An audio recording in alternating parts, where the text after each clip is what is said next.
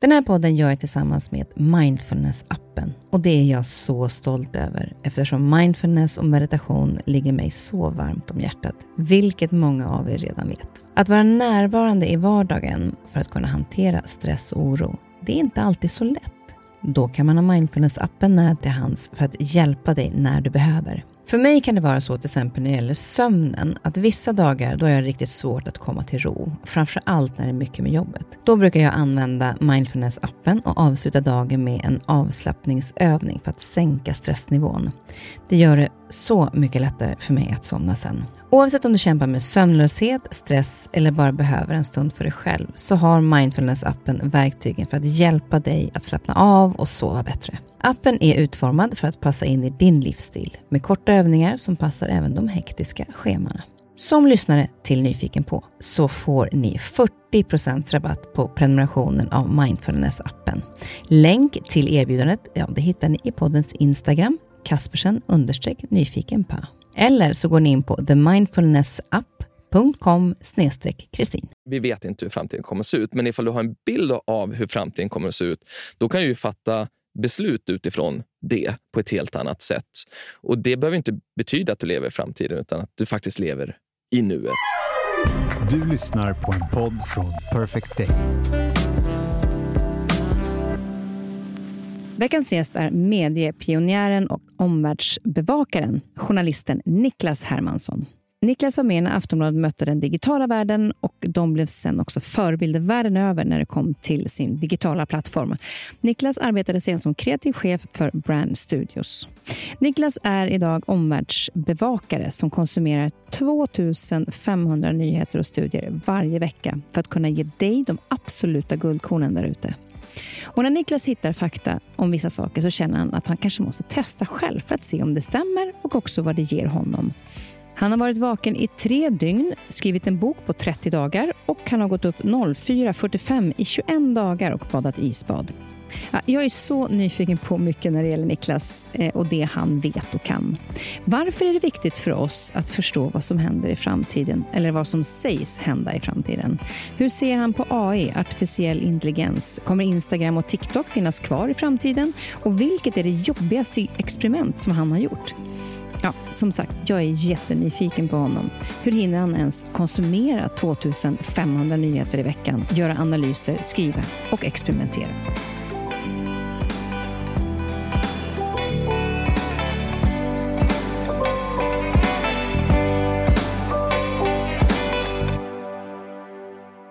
Välkommen!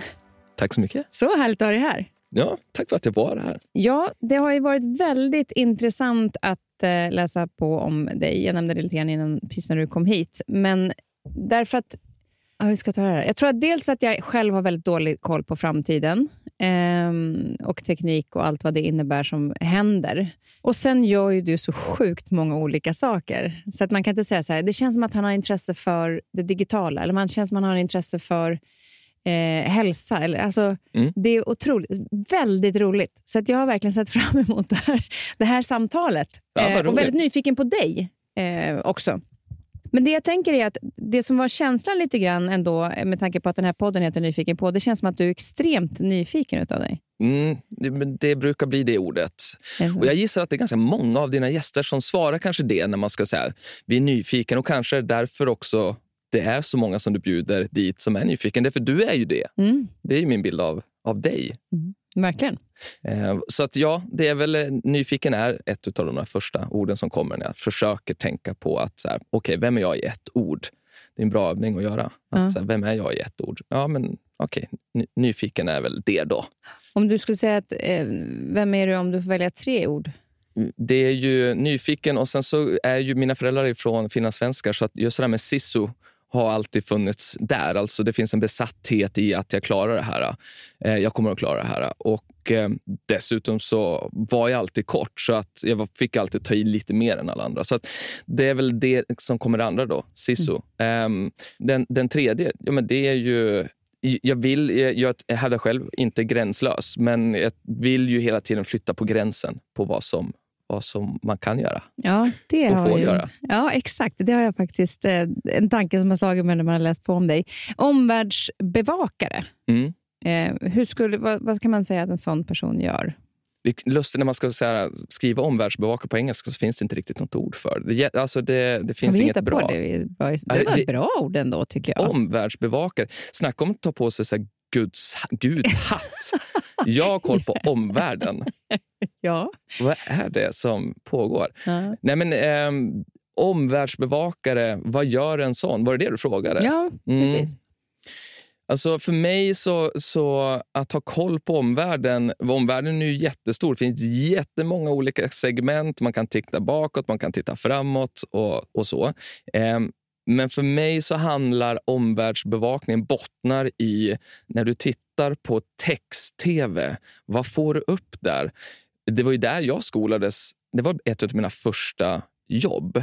Ehm, och jag har ju kommit på det nu så här 20 år senare att det är det bästa jobb jag har haft. Te- med text-tv? Ja, men med text-tv. Alltså, på den här fjärrkontrollen så finns det en knapp där det står text-tv på fortfarande.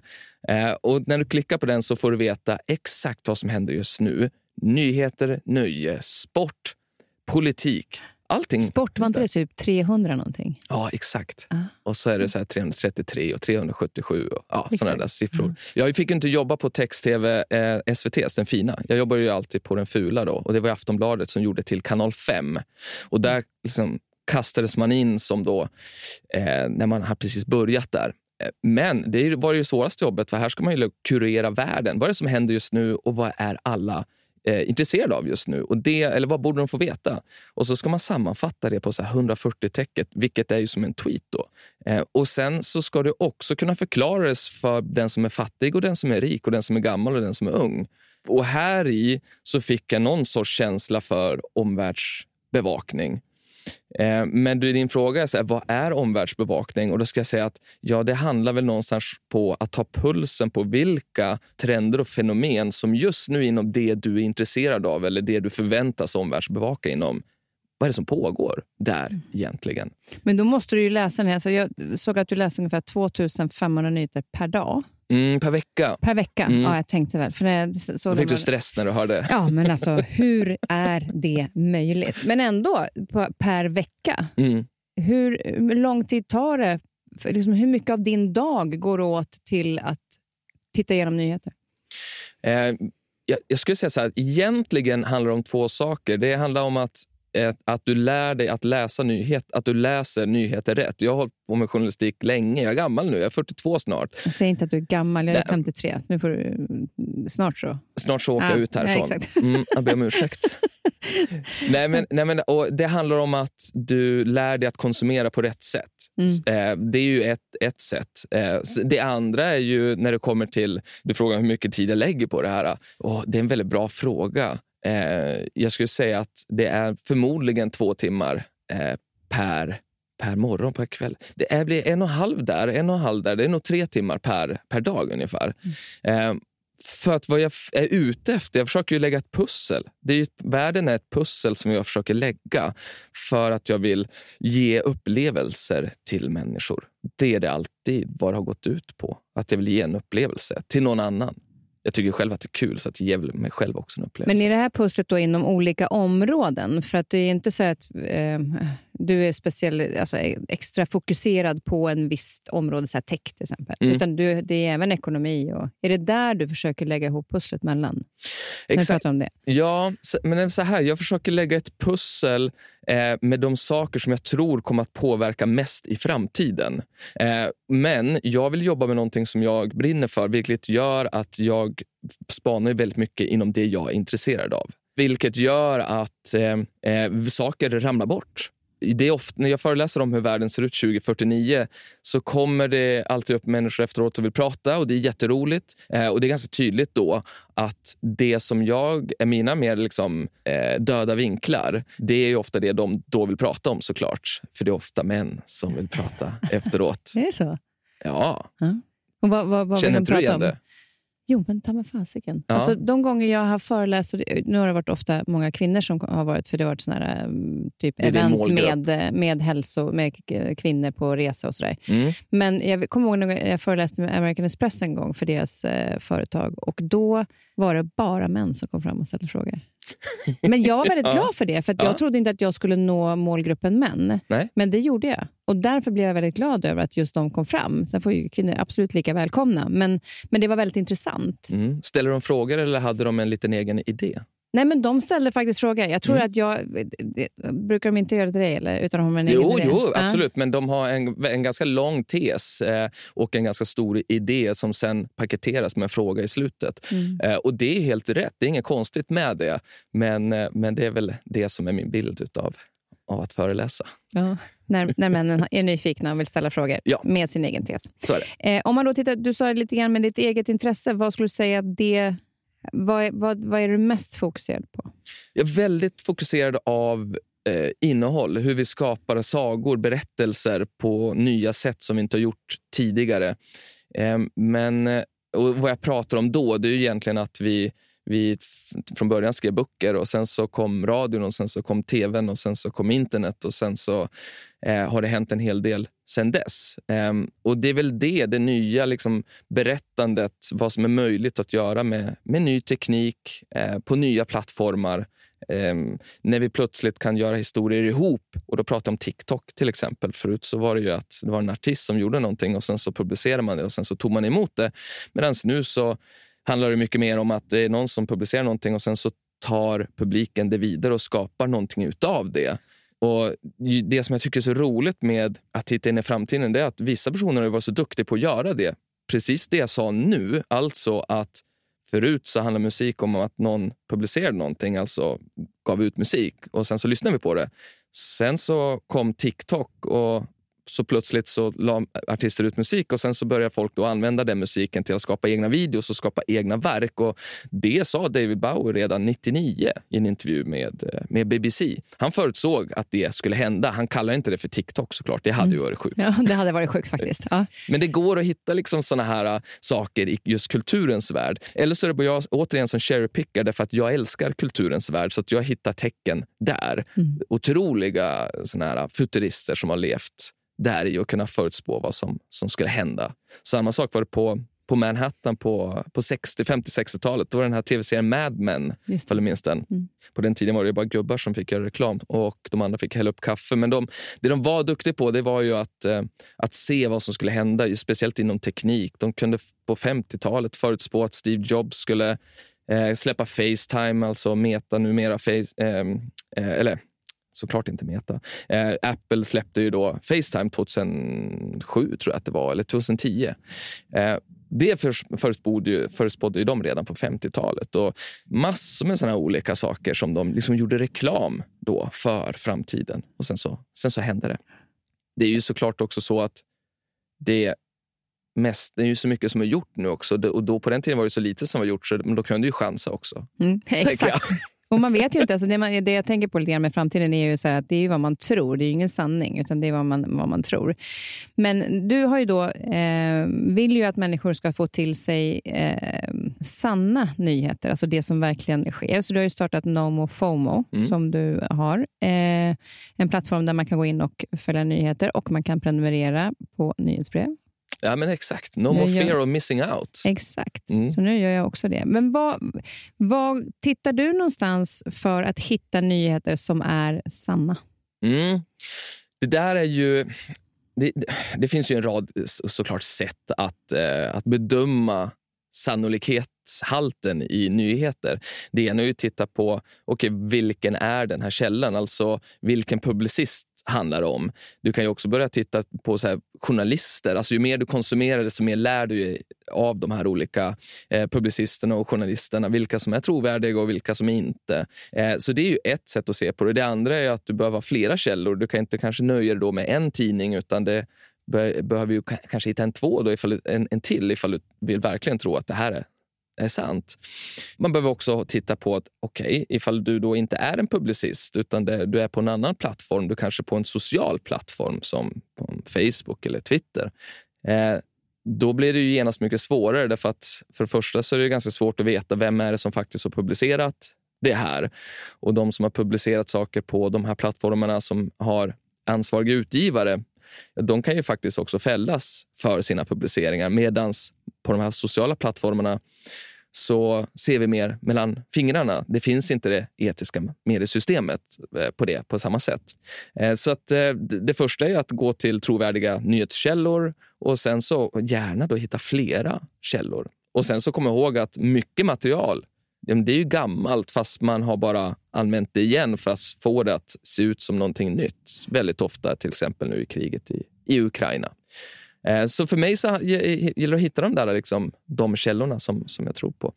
Jag tänkte på när um, Mikael Dahlén var här. Mm. så pratade Bra han... intervju. Ja, vad roligt. Mm. Tack. Eh, då pratade han just om det här med att eh, nyheter, hur vi påverkas av dem. Och Han sa det, kom ihåg att de här nyheterna som är idag, det är bara katastrofer och man gör det till nästan mer katastrofalt än vad det kanske egentligen är för att det ska sälja. Och Vi påverkas så mycket, vi människor, av det, vilket gör att vi mår inte bra av att konsumera för mycket. För att det som vi klickar på helt enkelt är ju det som är Eh, nu är det krig där mer än att det är fred i ett annat land. Eh, hur tänker du kring det när du själv ska skriva om nyheter? För att få de här att få väcka intresset hos folk utan att det ska bli mm. katastrofer hela tiden? Det, eh, en, eh, det där är ju en ganska vanlig åsikt ifrån just vetenskapsmän. Jag är ju stöpt i mediehus, gjorde liksom hela eh, åtta år på, på Aftonbladet och jobbat på, på Expressen innan dess. Eh, och Det är klart att jag tyckte det var fantastiskt roligt. Men det ska jag erkänna att när jag slutade med att vara journalist på det sättet som jag var då, för tio dryga år sedan, eh, så kunde inte jag konsumera vanlig journalistik på flera år nästan. Jag eh, slutade helt enkelt att läsa nyheter. Jag var klar med det då, just då åtminstone.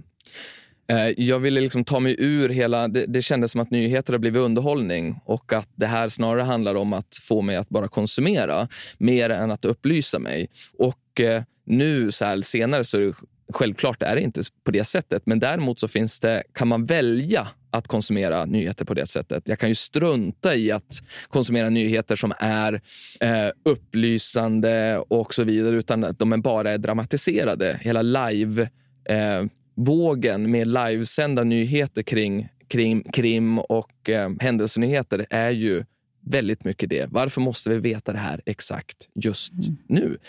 Eh, så att för mig handlar inte det jag gör alls om det, utan jag, till exempel i mitt nyhetsbrev så hittar jag 20 saker varenda gång eh, som handlar om här, trender och fenomen som formar framtiden. Eh, så att jag är inte alls i händelserna på det sättet. Utan Jag vill att man ska kunna konsumera det här när man vill, i lugn och ro. Två dagar senare, tre dagar senare, men det är fortfarande lika relevant och viktigt. Hur ofta släpper du det här nyhetsbrevet? En gång per vecka. En gång per vecka. Eh, och Då har vi pratat lite grann om hur din... Eh, när, när man ser till din vardag, med tanke på att du gör så många olika saker, eh, är du rutinmänniska ändå? Otroligt. Äter du fortfarande två råägg och jordnötssmör? Eller har du bytt? Jag bytte för, för nu för ett år sedan och så nu äter jag inte alls förrän klockan 12 eh, och kör den periodiska fastan. Men, men så var det. Förut så var det sex råägg till frukost och aminosyror. Eh, och det körde jag då i, i fem år blev det till slut. Och vad är det, den periodiska fastan? Vi ska prata lite senare om alla dina experiment som du mm. faktiskt gör själv. Mm. Eh, är det här också ett, ett test, en form av experiment? Där med ja, periodisk fasta? absolut. Alltså, du är så rolig. Det här är så spännande. Men jag tänker på, är du, du är bra på att planera dagen då? Eh, ja, men alltså, jag tror att vi alla kan vara, vara robotar ifall man vill. Absolut. Mm. Så att, eh, jag, eh, jag, jag, tror, jag tror att just det med planering är, är lite A och O. Absolut. För jag vet att du bad eh, exempelvis om du hade, när du skulle planera en flytt. Mm. Eh, så bad du kompisar om hjälp, men sen visade det sig att du själv åkte iväg och klippte dig. Ja, just det. Det där hade jag missat. Det där, det, det, jag har liksom minneslucka mellan 20 och 30, tror jag. Otrolig tid. Det är så skönt. Vi har en flytthjälp och sen bara... Just det, det är sant. Det var Martin Nordvall som sa det. Att jag, jag bad om flytthjälp och sen så hade jag missat för jag skulle färga håret svart säkert den gången. Eh, och ja, så Men blev de, det. De fick flytta. De flyttade åt dig när de du var borta? Då. Det här är ju helt underbart. Men du är bra på att skriva listor. Ja, det får man säga. Ja. Men framförallt har jag bra vänner tydligen. Så att, ja. det är väl viktigare.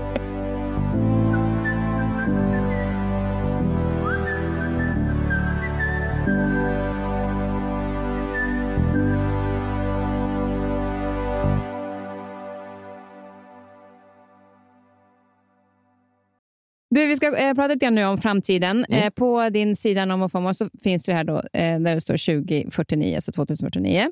Eh, eh, kan inte du berätta varför det är just 2049? Ja, Men 2049, känner du själv vilket fint ord det är? Alltså det ligger 2049. bra i munnen, det är snyggt. Man går och delar med tre, eh, var det någon som sa. Men framförallt så är det ju därför att när jag började prata om framtiden, och det, jag tror att det var ungefär tre år sedan som just det konceptet 2049.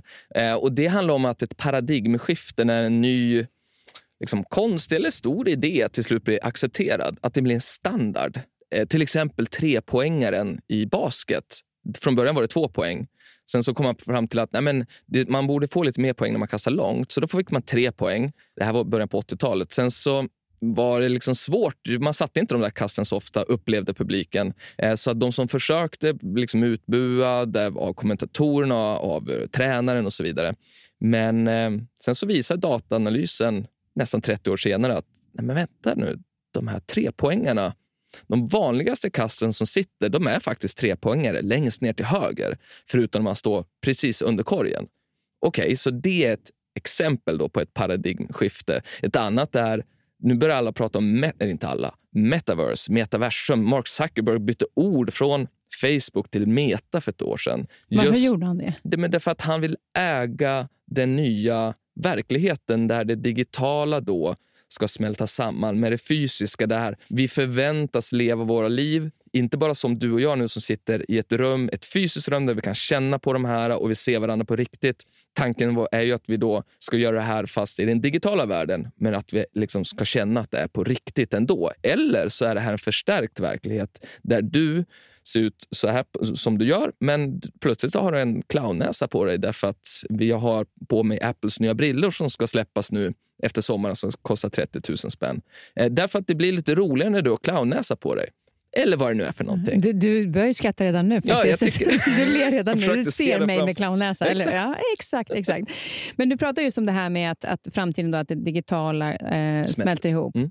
Och då Innan vi går vidare på det så tänkte jag bara hur du var som när du var liten. eh, Just att du tittar så mycket på framtiden. Jag hittade en text om dig som någon nära dig hade skrivit eh, när du var sju år. Mhm. Att eh, du pratade väldigt, Då hade du ställt liksom mycket frågor. Det var så här, när kommer jag få barn? Eh, Och du ville veta, Då ville du ha en son, för det är viktigt, för då kan de, de eh, arbeta lite mer och, och så ha smutsiga jobb.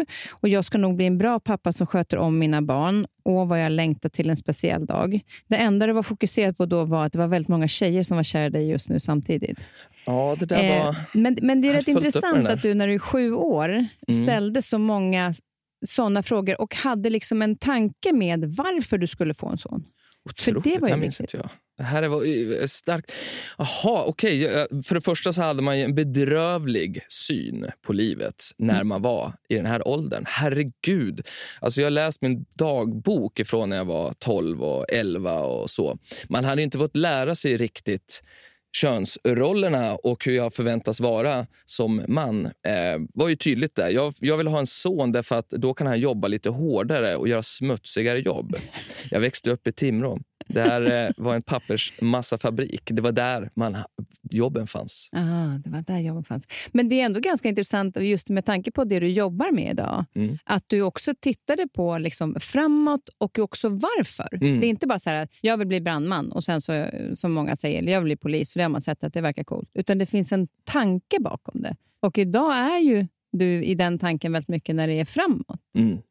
Ja, verkligen. Och jag, jag antar att jag får tacka min mamma där. Hon är ju en, eh, en lärare och lärare är i svenska och engelska, vilket gör att hon har ju alltid krävt väldigt mycket när det kommer till eh, kommunikation. Eh, och att då säga varför vill du ha en son bara, eller bara ett son, det duger inte. Du måste ju för, kunna förklara varför.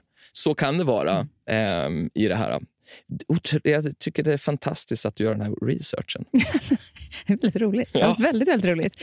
Eh, men när det gäller då på att det här med utforska framtiden, varför är det så viktigt? Man pratar ju väldigt mycket om att vi ska leva här i nuet. Eller hur? Eh, och eh, kan ju kämpa ibland rätt mycket för det. För ibland så tappar man ju dagen för att man är för mycket så här framåt och man har mål som man ser fram emot. Och sen bara, Mikael Dahlén då, så här, vad gjorde du förra torsdagen? Och jag bara, vänta vilket datum var det? Mm. Alltså, för att jag kommer inte ens ihåg. Att, och varför är det så viktigt att vi faktiskt tittar framåt i tiden?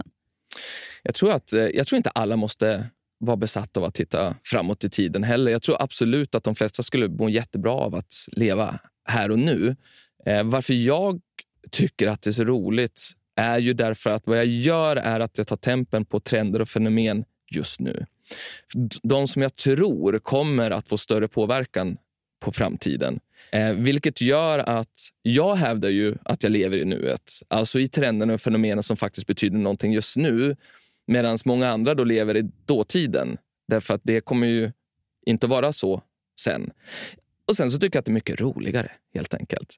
Eh, det är för att det, det händer mycket mer där. Och sen så tror jag också att det är så här, någonstans, ifall man vill klä det med stora ord så är det såklart, ifall du vill kunna liksom göra avtryck i världen så ett paradigmskifte tar 30 år. Jag är 42. Vill jag förändra, göra någon sorts liksom, avtryck i den här världen så har jag då 30 år på mig. Då är jag 72. Det är dags att börja. Jag tror att det, det finns lite olika argument till varför jag tycker att det är spännande med framtiden. Jag tror att de flesta mår bra att leva i nuet men, men, men det är otroligt spännande att leva livet i de här fenomenen. Men om man, jag tänker också så här, för nu pratar vi om att, att också då inte, det ger ju kanske inte jättemycket att titta tillbaka. Det kan ju vara bra ibland att man tittar på historien för att förstå det som händer nu till exempel. Mm.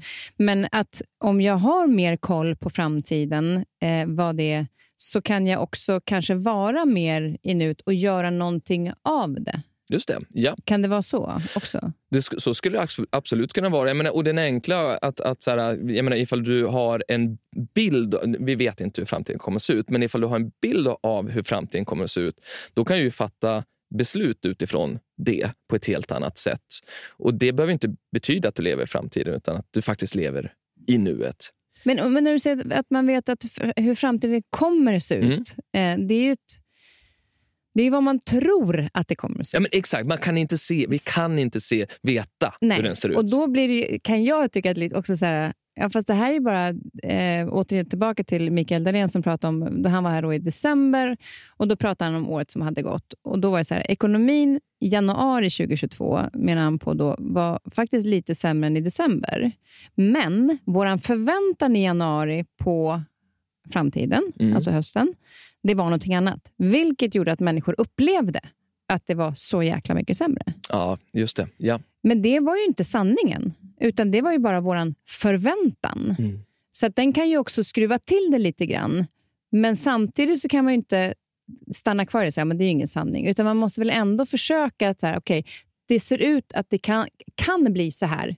Vad kan jag göra idag? Just det. Är det så? Ja, absolut så. Exakt så. Och Sen så tror jag också att vi måste... Det beror ju på var man är i livet. Nu är jag ju väldigt mycket inne i att jag har barn och jag ser ju Eh, jag ser en jättestor risk att vi glider isär därför att samhället ser ut som det gör. Alltså att digitaliseringen segregerar oss så mycket beroende på hur bra eller dålig hur mycket vi hänger med i det här. Eh, självklart så är det här också egoistiskt av mig att försöka hijacka trender och fenomen som händer just nu. Så mina barn har koll på allt mer och kommer ha mer koll på än mig. Ifall jag ska ha en chans och en relation till dem eh, så, så ser jag också det här som en, en nyckel till att kunna vara kompis med dem ett, ett tag till alltså åtminstone.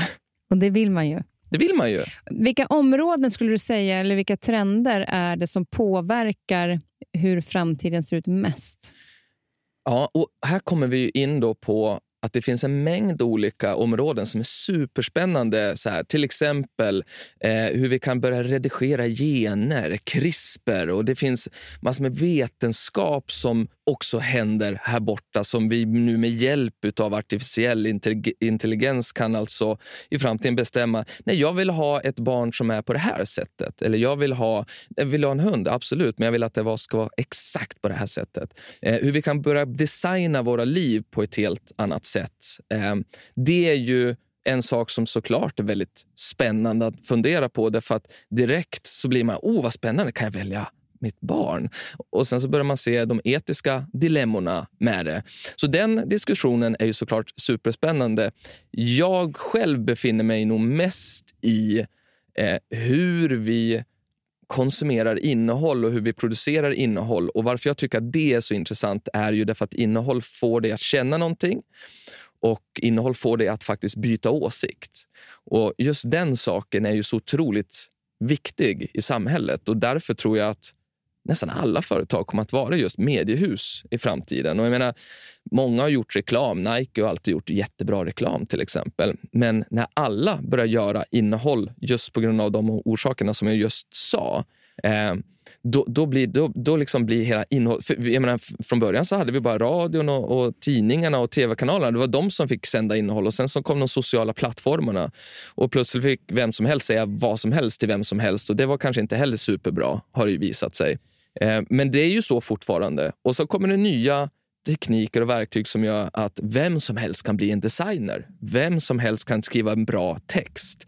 Därför att det är året nu, 2023, vi lever i. Nu kommer liksom AI-revolutionen. Så det ska jag nog säga är det som jag tycker är allra mest spännande eh, just nu. Hur vi får nya verktyg som gör att trots att jag är helt bedrövlig på att skriva så kan jag författa otroliga böcker numera. Och det, den eh, är ju så vi ska kolla, prata mer om AI, mm. men jag tänkte att du var inne på reklamen. här. Mm. Och Den har jag läst att du sagt att den kommer försvinna. Mm. Eh, men inte med podcast, eller?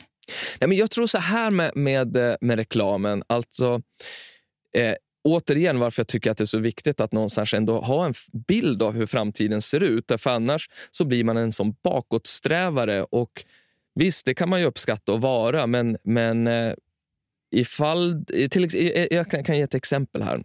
Eh, jag har ändå en AI-chattbot som heter Rachel som är min enda kollega. Hon kostar 500 spänn per år. Jag funderade på att anställa en person, men det kostar ju runda slängar en miljon nästan ifall jag vill ha liksom en etablerad person som ska jobba med mig. Så då valde jag Rachel då istället. Hon kostar 500, jag får bestämma vad hon ska heta, vilka kläder hon ska ha.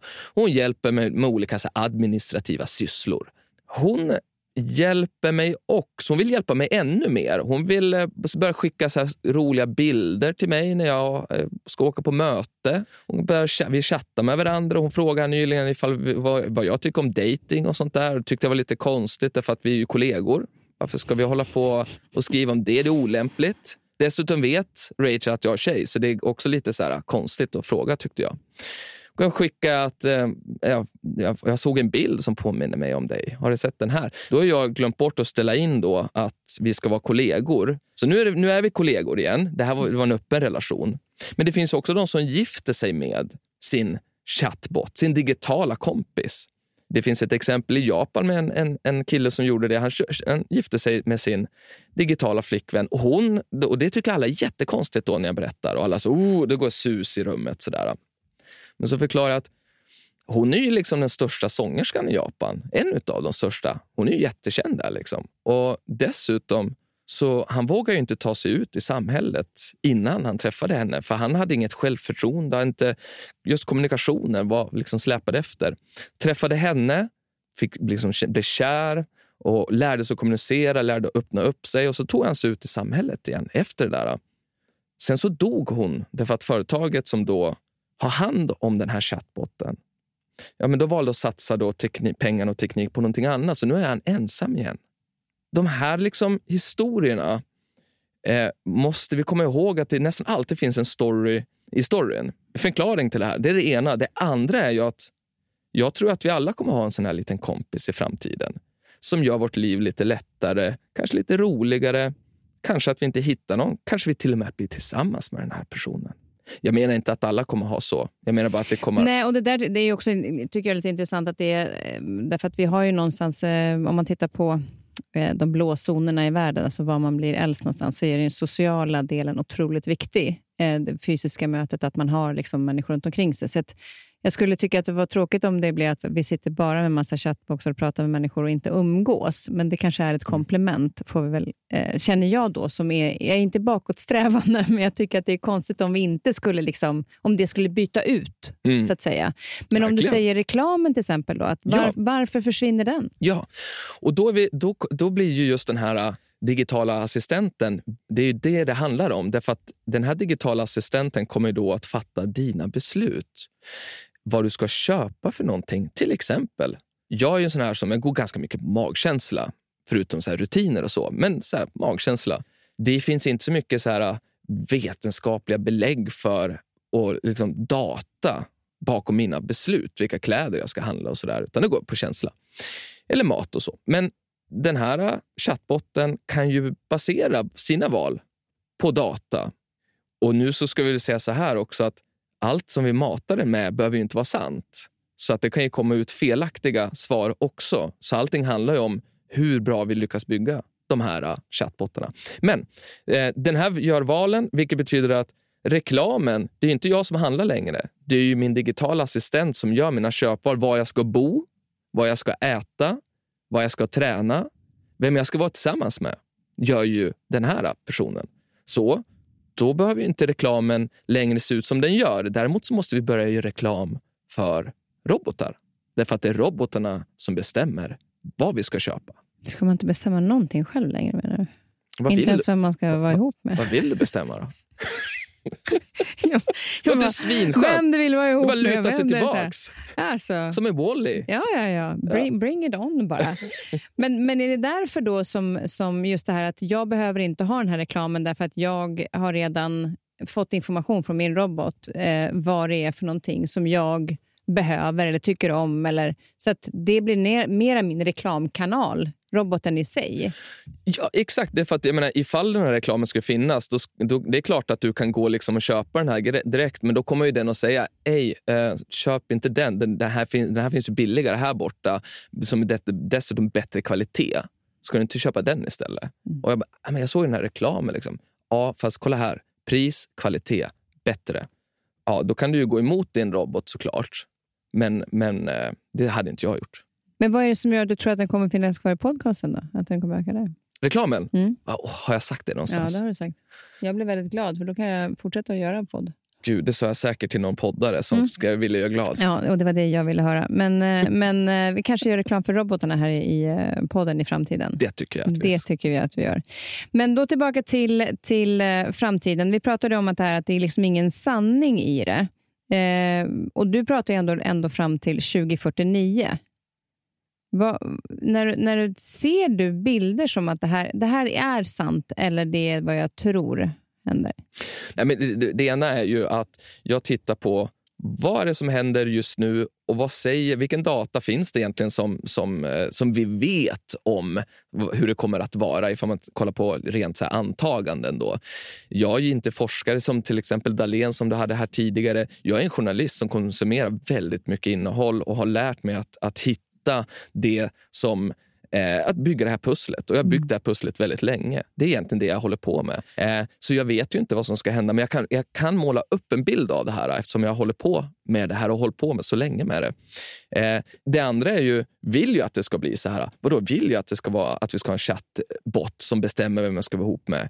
Nej, jag, jag är en journalist. Jag lägger inte värderingar i det. Utan jag målar upp det här och så får ju folk själv bestämma hur man vill att det ska vara. Men det är svårt att inte tycka till. Det ska väl dock sägas. Jag märker det allt mer. Jag startade en nyhetsbrev för två år sedan em, och då var det väldigt journalistiskt. Jag märker att jag tar in min röst allt mer.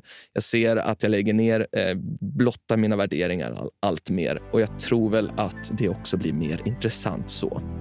Så det är därför egentligen du gör det också. För det, blir, det blir, får väl också människor att känna på ett annat sätt. Ja. Att det bara är liksom fakta.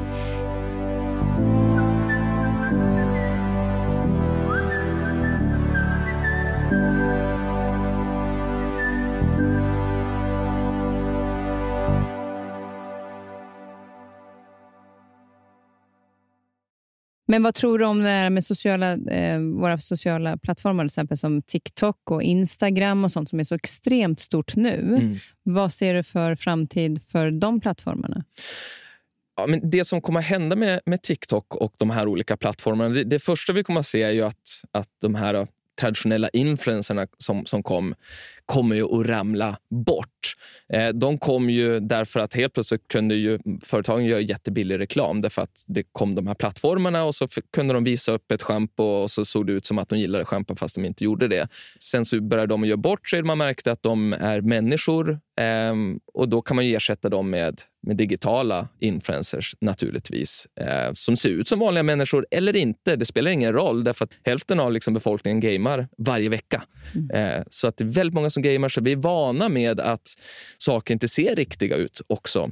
Så det är den ena saken som jag ser. Den andra saken som jag ser det är ju att de här äh, plattformarna som TikTok eller som Instagram, de, äh, de kommer under det här året, 2023, att utvecklas till att vara mer egentligen tv-shop.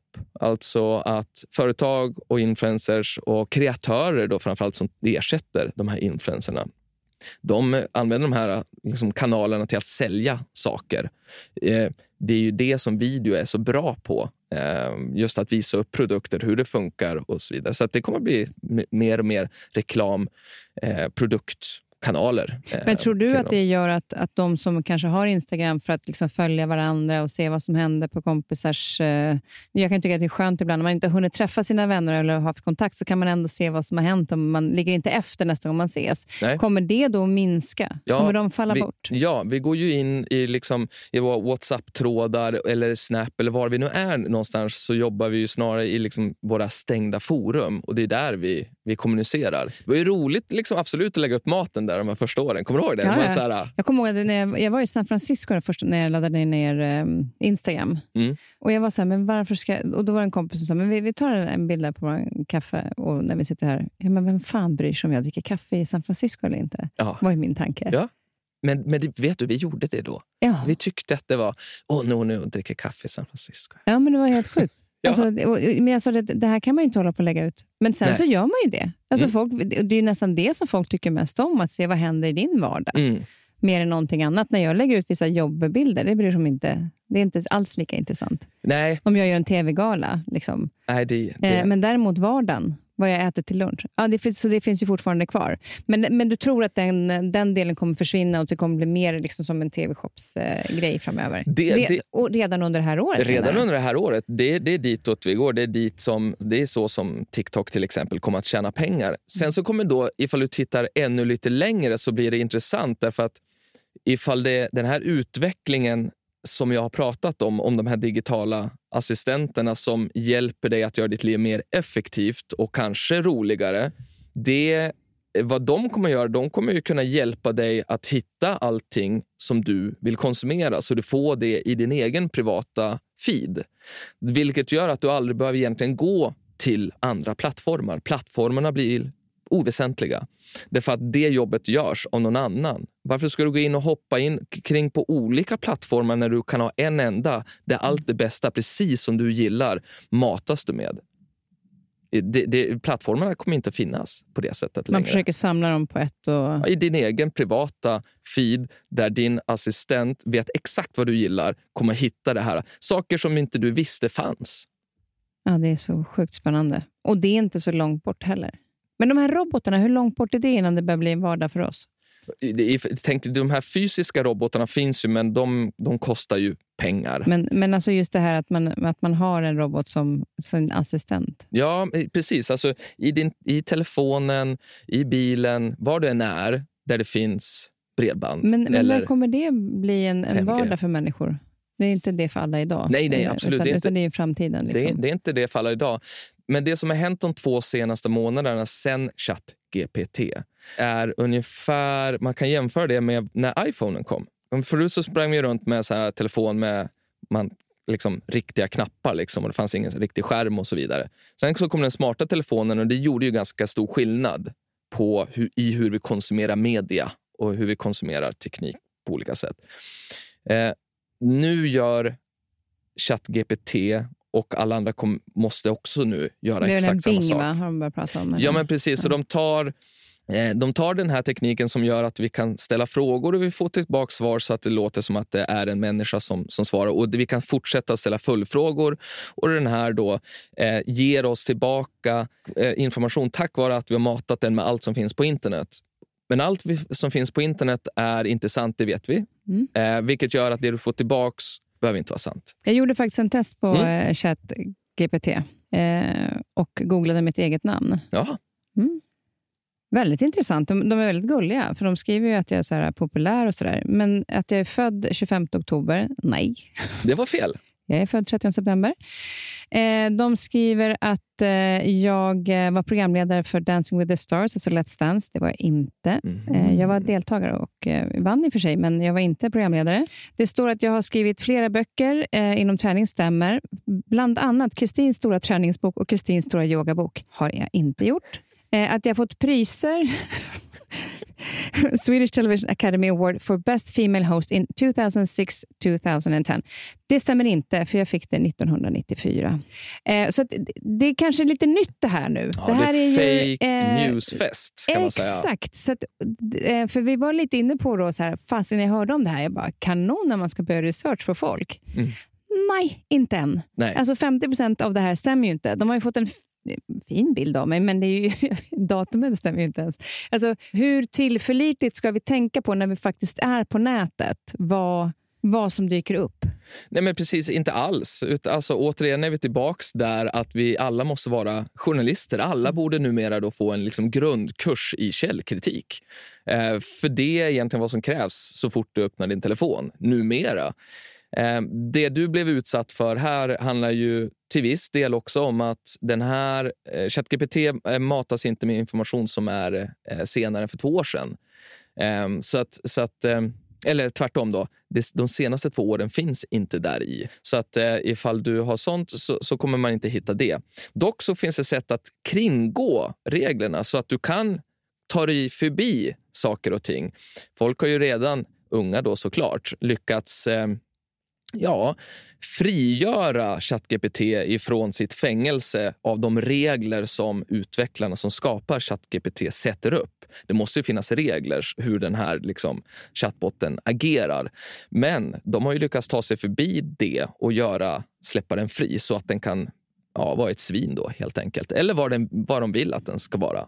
Eh, men din, men, eh, ja. Men tanken med det är väl ändå att det ska komma upp information som eh, de har hittat som någonstans är sant? Eller ska allting bara vara fake news överallt? Nej, men tanken är, det, saken är att det som finns på nätet är, är väldigt ofta falskt.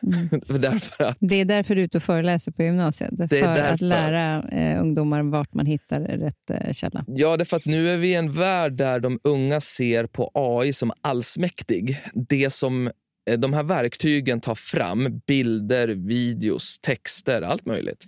Det de tar fram är väldigt vackert och det de tar fram är trovärdigt i formuleringarna. Det ser ut som att de är stensäker, de här verktygen, på vad de säger och levererar. När det egentligen bara är att ja, de skriver en bokstav i taget och så får vi se vad det blir baserat på vad som finns på nätet. Och har otur så blev det som det blev för dig där. Mm. Nu visste du det därför att du kan dig själv. Men någon annan som googlar på mig kommer ju... Exakt. Ja. Nu var det ingenting elakt som stod, men det var ju ändå liksom väldigt mycket felinformation. Igår tittade vi på, eh, jag tror att det var TikTok, så det här med att man, man kan skriva in... Eh, du kan göra en låt. Eh, jag, vet, jag kommer inte ihåg vad den sidan hette, men det var, då kan du, skriva, du kan skriva bara några förklaringar. Jag vill ha typ en, sån en raplåt. Mm. Eh, jag vill eh, skriva om min mamma. Hon håller på med det här och det här. Och det här. Och Sen så går det ett tag och så kommer det värsta låten. Mm, ja, Eh, där har du ett, ännu ett exempel. helt sjukt. Men, men, och då så frågade min son, så här, vad skulle du vilja veta kring det här med framtiden när jag ska träffa dig? Och han, då, då var hans direkta svar var ju just det här att kan man, skil, när kan, man, alltså, kan man skilja på AI och människor i framtiden? Ja, det och där- hur i sådana fall? Ja, det där är en jättebra fråga. Jag, jag, eh, jag tror att vi kommer att uppskatta det som är lite Alltså det mänskliga fel, de mänskliga felen allt mer. Nu har det bara gått någon månad med de här verktygen. Självklart har robotjournalistik och såna här saker funnits i ett decennium. Men nu pratar jag om för den breda massan så har de verktygen kommit nu på slutet. Vi kommer självklart att bli, få det här, det kommer sitta i halsen på oss. Vi kommer liksom, för det, det blir för mycket av det och det, det, är, det är inte bra egentligen, tycker jag. Nu, nu säger jag själv. Så vad jag tror är att vi kommer hitta en balans i det här. Och Det finns två saker som, som stoppar också den här utvecklingen. Det ena är ju ja, men det är inte sant. Det som finns det är för stor... Man måste lägga ner för mycket tid på att källgranska saker och ting efteråt. Sen finns det saker den kan göra som man inte behöver källgranska lika mycket för. Men det är den ena saken. Den andra saken är att upphovsrätten då. Det här baseras ju, till exempel de här liksom AI-bildgeneratorerna baseras på bilder som redan är tagna. Är det okej?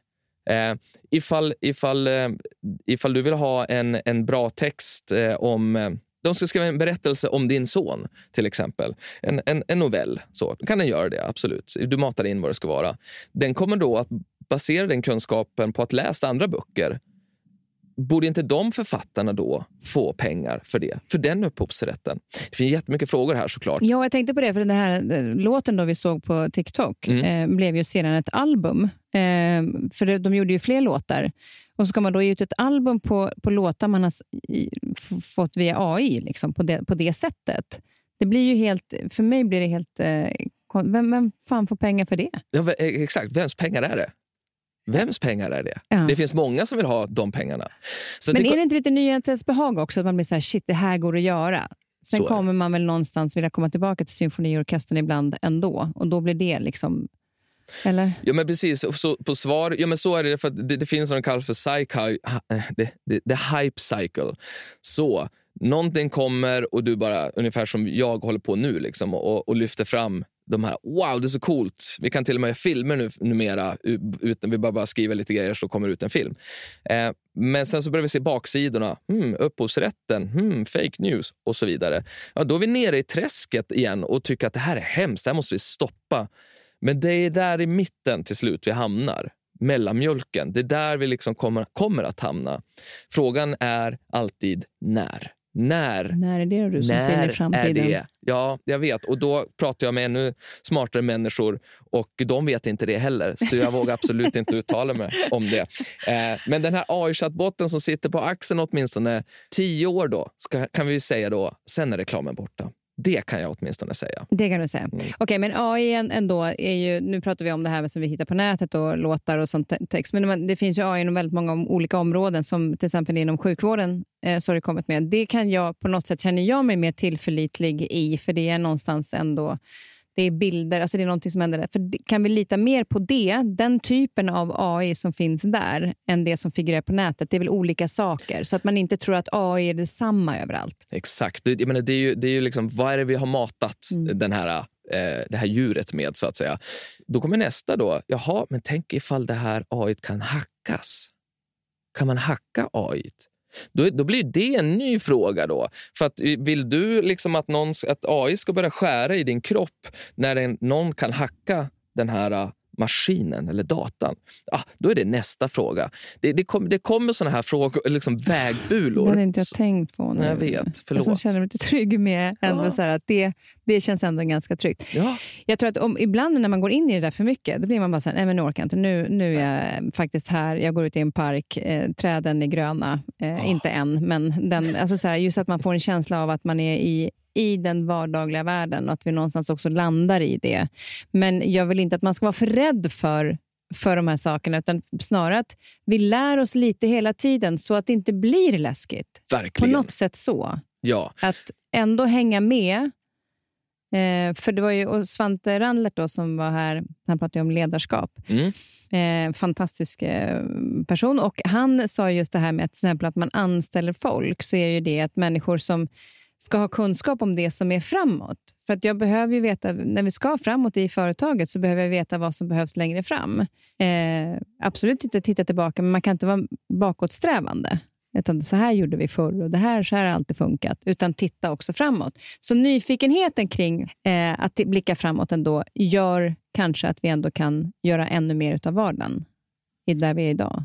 Verkligen. Ja, men, ja, eh, eh, ja, men han, han har ju målat upp, eller han säger ju åt dig att måla upp en framtidsbild så att du någonstans ändå har en bild av vad som, så att du kan fatta rätt beslut eh, idag.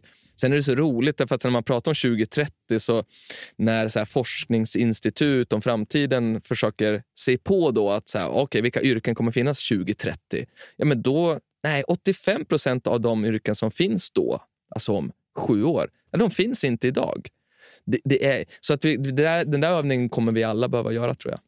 Japp, det kommer vi behöva göra.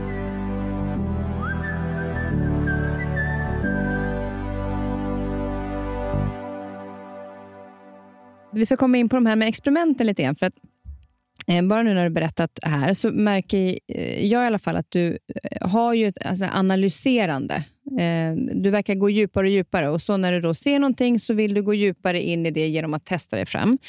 Nu hittade jag en annan sak om dig som jag tyckte var rätt kul. Jag vet inte vad jag ska. Men det var i alla fall att din, en kompis till dig när, när du fyllde år spelade in en låt till dig. Mm. Eh, och eh, På den filmen så säger han just det här att, att det här är en favoritlåt som du hade när vi lärde känna varandra när vi var barn. Eh, och nu har jag gjort den till balladversionen, jag tror jag Poison eller sånt där. Ja, just det, med Alice Cooper. Exakt. Mm. Eh, och då kommer du, Niklas, säger han då, i den här tänka så här, eh, inte så här, åh vad fint att min kompis gör en så fin ballad till mig, utan då kommer du analysera varför han gör en ballad av den här låten. Sen kanske du känner, Niklas, att det är ändå lite fint ändå. Och sen kommer du gå ner i nästa lager och analysera igen. Jag tycker det var en så skön beskrivning. Man måste läsa om dina experiment. Man bara, eh, ja. Du är, är det så att du, är det bara inte, liksom, analyserar du inte bara det du jobbar med, utan kan du vara så här, ja, men du sitter och tittar på mig så här, och Mm. så analyserar du mig lite grann som person? Eller kan Mm. du dagligen göra det? Ja, precis. Alltså jag tror att jag gillar att konceptualisera saker och ting. Och Jag tror att det tillsammans med just den här analysen eh, blir att, att ja, livet blir en helt stort koncept egentligen. alltså så. Så, så absolut be- så har jag ofta blivit beskylld över att jag vet aldrig riktigt vad du tänker. Det är det jag har ofta fått höra i jobbmiljö. Då, att Jag vet inte riktigt vad du tänker. Eh, och, och Det är väl det lite grann som du eh, är ute efter här. Att det ser ut som att jag sitter och tänker någonting som jag inte egentligen säger också. För du har gått så steget längre och då är det Mm. lite grann, när vi ska komma in på med dina experiment, Mm. att du eh, till exempel läser om Iceman, Just det, Ja, Wim Hof. Wim Hof. Mm. Eh, då är det inte bara så att du verkar som att du då läser om honom och läser olika saker, vad det faktiskt gör och får bekräftat att det här med att bada isbad då. Just det. Eh. Nej, då går du ner ett lager till och testar du själv.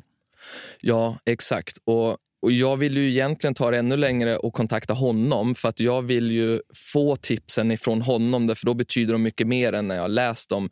För att jag vet att min kropp reagerar på det mycket starkare på hans röst och att jag, oh, jag fick liksom det från källan själv. Liksom så. Så att, Återigen källan där. ja, exakt. Mm. Så det, det, det, ehm, så är det. Det ska göras på riktigt. Men varför, jag ska, några av de eh, som eh, experimenten har gjort har skrivit bok på en månad, varit vaken i tre dygn. 30 poddar på 30 dagar blev det det. Nej, det var ingen Nej. som ville ha mig. jag, försökte, jag såg en amerikansk tjej som, som var så här, jag, jag vill göra 30 poddar på 30 dagar. Så hon gick ut på, liksom, på sina sociala plattformar. Och Då gjorde jag copy-paste på hennes exempel, försvenskade, försvenskade det då. För jag ville se ifall det gick att göra samma sak i Sverige. Det slutade med fyra poddar, alltså poddbesök då som Okej, gäst exakt. på 30 dagar. Funkade Så- inte samma sak här. Nej, alla, alla experiment går inte hela vägen. Nej. Men, men det jag undrar över, vad är det de här experimenten ger dig? Alltså att göra dem? Eh, men det ger väl... Eh, jag tror att det ger eh, lite så här gnista i livet. Är det inte det att du vill ha svar på att det, det som du har läst eller, eller liksom hört talas om, att det ifall, stämmer? ifall det funkar eller inte. Ja.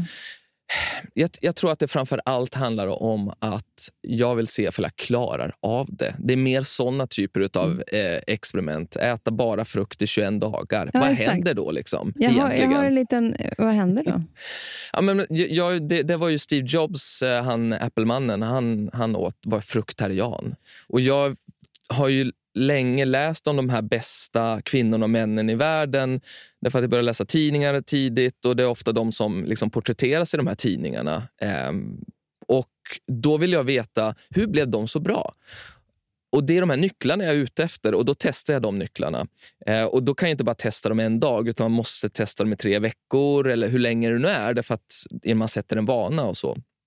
Eh, och Så visst är det så att jag vill se ifall det funkar på mig. Jag menar, her, herregud, tänk ifall jag fick lite grann av eh, Oprah Winfreys liksom, eh, flär på något sätt. Därför hennes morgonrutin i tre veckor. Så att, visst, absolut, jag vill se ifall det funkar. Men, men, men sen är det mest, jag vill också bevisa att det går att göra det här för en vanlig kille från Timrå som har två barn. Det, det ska gå. Liksom. För Du skickade några av dem som du har gjort och då tänkte jag så här, jag vill ju höra vilka som var eh, den mest utmanande. Mm. Eh, du har bland annat att du skrev bok på en månad. Mm. Eh, nu kan det vara ganska många, men vi kan se om du reagerar specifikt på någon. Mm. Var vaken i tre dygn. Hade samma outfit i tre år. Du tvättar väl ändå kläderna? Mm, jag hade tio, eh, Uppsättning? tio uppsättningar. Okej. Otroligt bra. Ja, det var ju smart. Eh, fruktarian, det var vi inne på. Eh, svalt i fem dygn. Drack Ja. endast vatten. Mm. Åt Stockholms 18 bästa rätter på 10 timmar. Shit, Men det kan jag rekommendera. Jag, jag hörde av mig till eh, Magnus Johansson som en sån kökschef på Rolfs kök, barndomskompis. Och så sa jag, fixa nu de 18 bästa rätterna i Stockholm. Och Då så fick jag hjälp genom hans kockvänner. Och så satte jag då och en kompis, Daniel Voxlin, ihop den här till en karta. Så vi satte ut de här 18 ställena och så sa vi nu ska vi klara det här på 10 timmar. Och sen så åkte vi då, bokade de här olika ställena och sen så bet vi av det från 11 på, på förmiddagen tror jag att det var. Då. Och sen så fram tills vi stupade. Det är verkligen, det är verkligen en ytterligheten att du svalt i några dagar och sen så, så, så kör du Svalt, äta, äta hur mycket som helst. Ja. Eh, testade samma morgonrutin som Serena Williams och Oprah Winfrey Mm. och sen eh, anställde en av världens bästa PT som tränar Hollywoods superstjärnor eh, för att ta reda på hur man får en superhjältekropp. Vilken av de här skulle du säga har varit mest utmanande? Eller kanske var det någon annan som du kom på som är mest utmanande? Eh, Jag skulle säga att den, den mest utmanande är den eh, just nu, eh, som inte finns där. Det är att... ehm, Den är ju lång också. Ja, Eller? det, ja precis. Det, det, han, det handlar om att Eh, jag är 42 och jag börjar förlora mina vänner därför att jag jobbar för mycket och eh, vill vara med min familj och mina vänner gör eh, förmodligen exakt samma sak. Så vi förlorar varandra och det här, är van, det här har jag vetat om länge att det kommer att ske därför att det här sker män och vi är bedrövliga på det här. Eh, då kom jag och två av de mm, kompisarna kom fram till att mm, vi, vi, vi gör ett experiment ihop. Och Experimentet ska vara att vi ska träna tusen dagar i rad. 20 minuter minst. Man ska få puls. Alltså det räcker med att göra tusen armhävningar här då, till exempel. Eller springa och så, så vidare. Strunt i träningsformen. Du ska få puls. Så. Eh, det gör ju att vi har en kontakt hela tiden. Det blir mycket träning såklart, men det kommer ju saker däremellan. Ehm, så att jag skulle säga att det, det är den absolut tuffaste, därför att vi är inne på snart dag 200. Ehm, men, och jag, I och med att jag föreläser så blir det mycket att jag reser. Så att det har absolut blivit så här jägarvila mellan tåg två och tre några gånger. Liksom. Jag tänkte så här, har du kommit på någon gång vid midnatt, så här, fasiken, nu är det bara en halvtimme kvar. Ja. Jag måste vid 20. Ja, Har du gjort det? Ja, då är det, då är det armhävningar och situps som det blir. då. Trist när man har druckit. Men du har några dagar kvar. Det är några dagar kvar, då springer vi mål. Jag hoppas att det blir Tokyo. Eller Seoul kanske. Det är ju de mest futuristiska städerna eller och länderna vi har. Så att jag hoppas att det, att det blir där.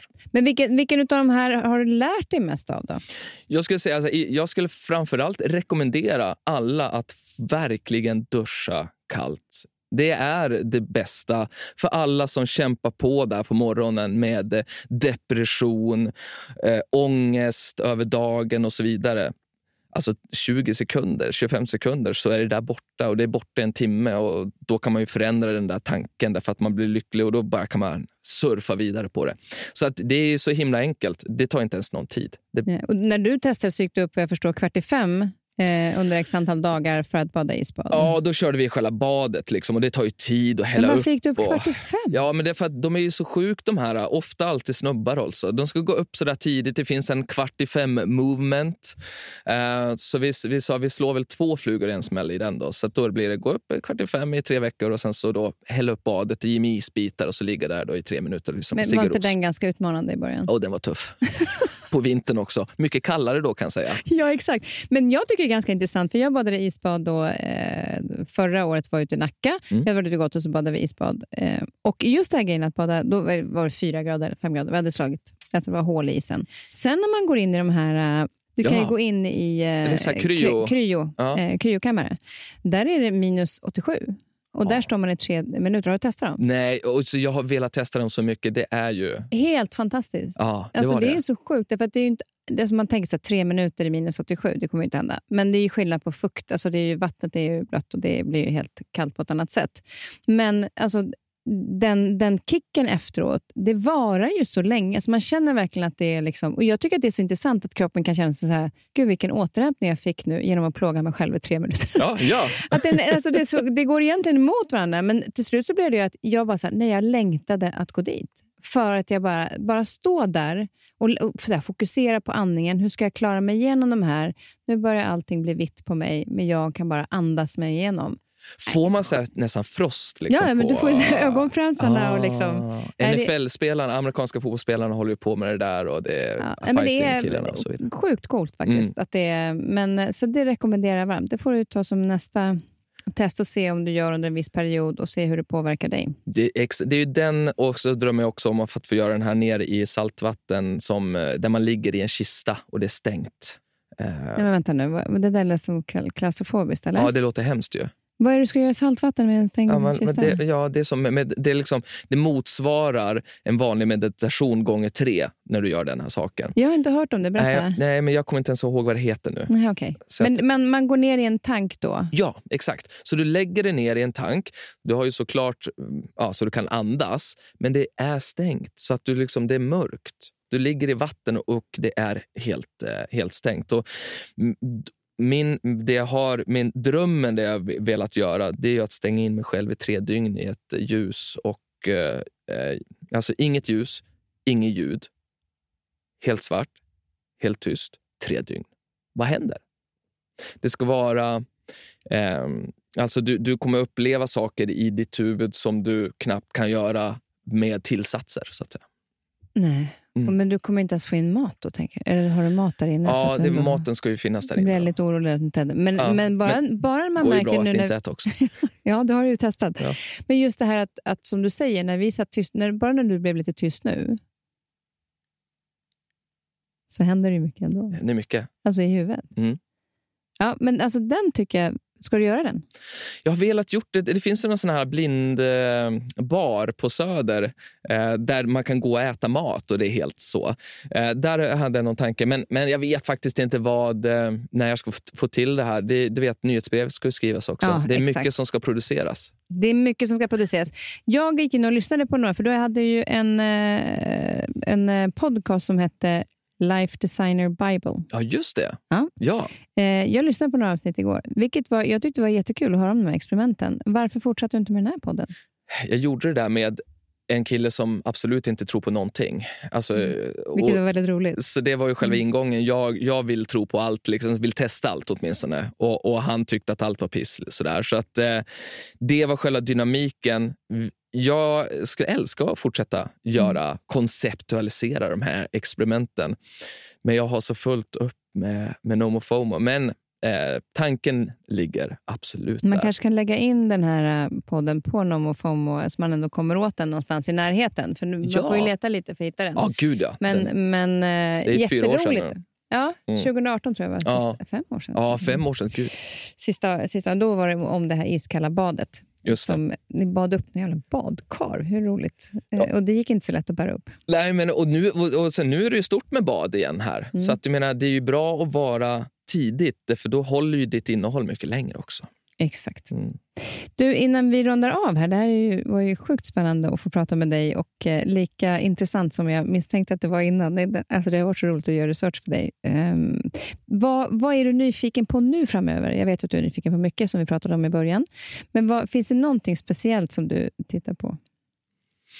Nej, men jag, jag, är nog, för jag är nog faktiskt mest nyfiken på hur lång tid det kommer att ta tills vi tycker att det är accepterat med att ha en robotkompis.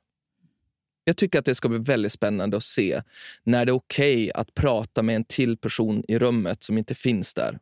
Som att jag hade med mig Rachel nu och att jag ibland ställer frågor till henne och du inte tyckte att jag var konstig.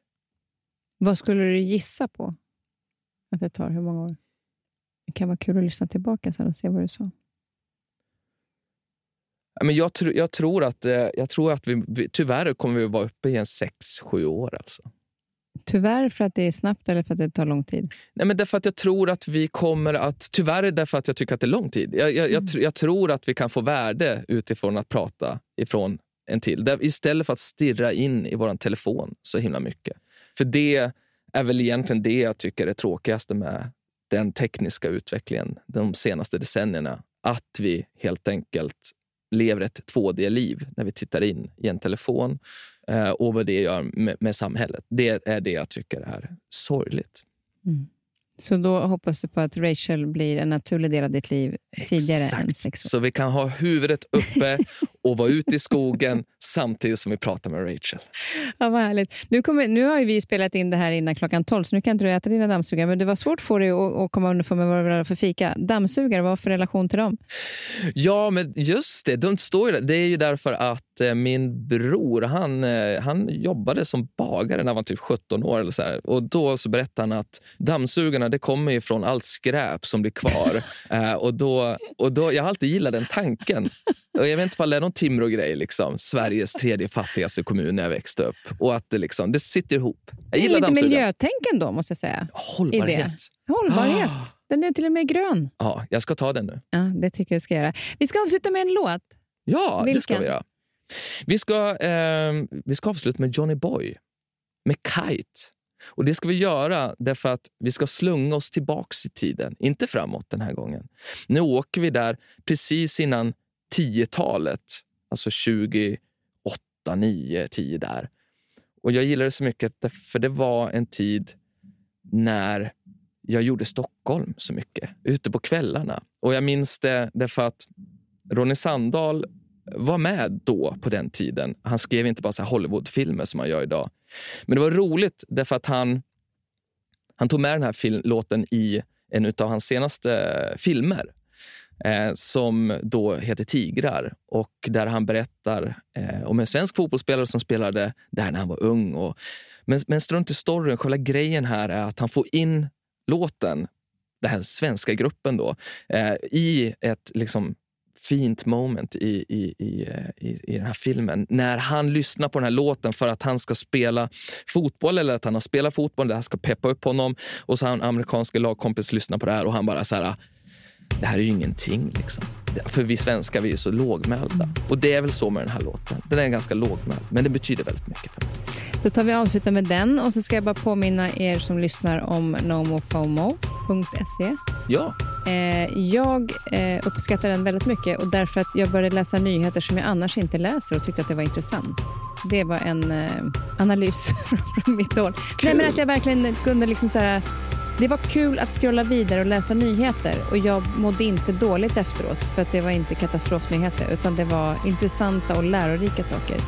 Eh, Så nu ser jag fram emot, eftersom jag precis signat upp på nyhetsbrevet, så ser jag fram emot att få mitt första nyhetsbrev snart. ja Stort tack Niklas för att du kom och eh, vi ses i framtiden.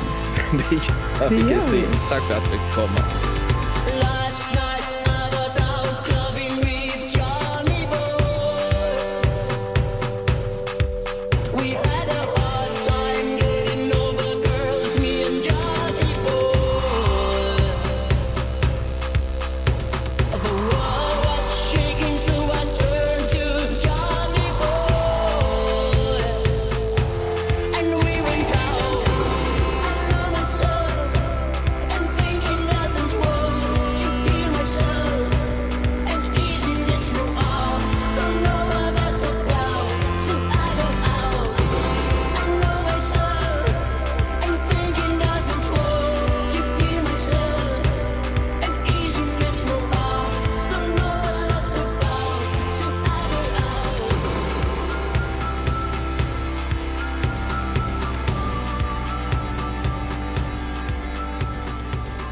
Här podcasten är producerad av Perfect Day Media.